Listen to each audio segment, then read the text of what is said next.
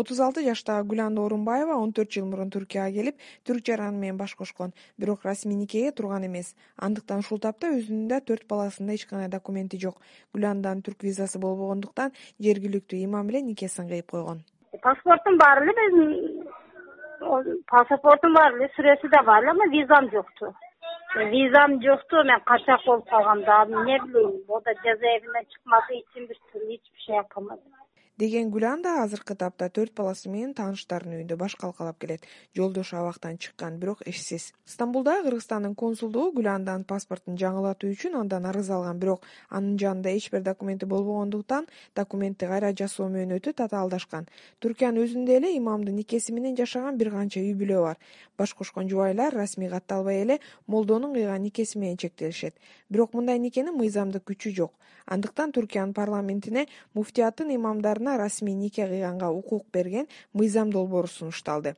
Стамбул шаардык муфтияттын басма сөз катчысы энгин динчтин айтымында негизи эле айыл жергесинде дагы деле имам никеси маанилүү э, анадолуда биздин айыл жергесинде диний никени расмий никеден дагы маанилүү деп ойлошот азыр эми бир аз өзгөрүшү мүмкүн. Бирок үйлөнө турган жубайлар алгач имамга нике кыйдыргандан соң мэрияга барып расмий никеге турушат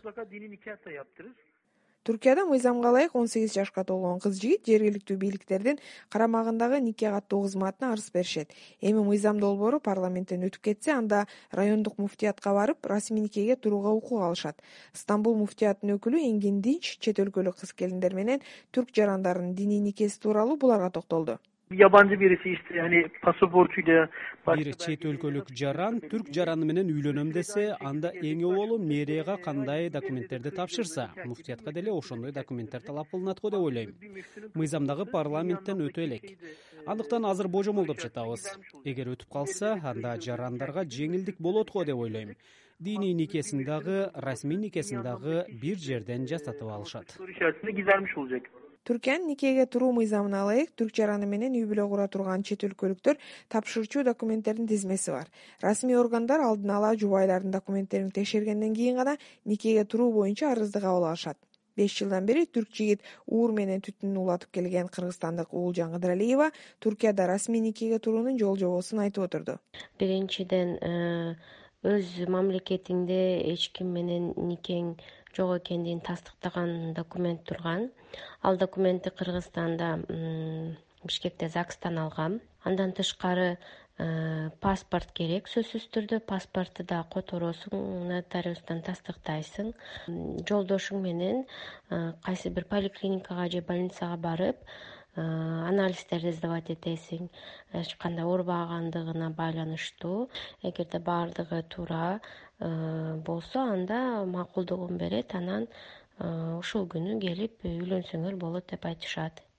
Кыргызстандык адвокат заирбек малашев туркияда мекендештерине ар тараптуу юридикалык колдоо көрсөтүп келет. Анын тажрыйбасында түрк жараны менен диний никеге турган кыргызстандык кыз келиндер көп жапа чегишет чоң кетирип аткан катабыз баягы бияка келип аткан ошо сабатсыздык жагы болуп атат маселен башка эле бир неме жердеги бар турмушка чыгыптыр маселен бирок э, неме менен чыккан?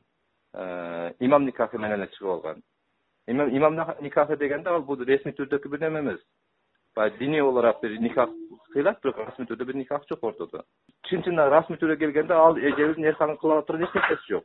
Балдары болсо корголот. Эми баласы болуп кабыл кылган үчүн баласы корголот а бирок э, эжебиздин кандайдыр бир укугу жок коргоно турган бир укугу жок анан ал эми стамбулдагы фатих султан мехмет университетинин теология факультетинин магистранты эрлан баянов мыйзам долбоору өзгөчө туркиядагы чет өлкөлүк келиндердин укугун бекемдейт деп билдирди. Муфтийге барып биздин никебизди кыйып берип коесузбу деп эле баягы эле эскиче эле сырттан келген бир кызды же болбосо э, мурун ажырашкан аял кишини алып келип никесин кыйдырып ала турган болсо бул расмийлешип калат.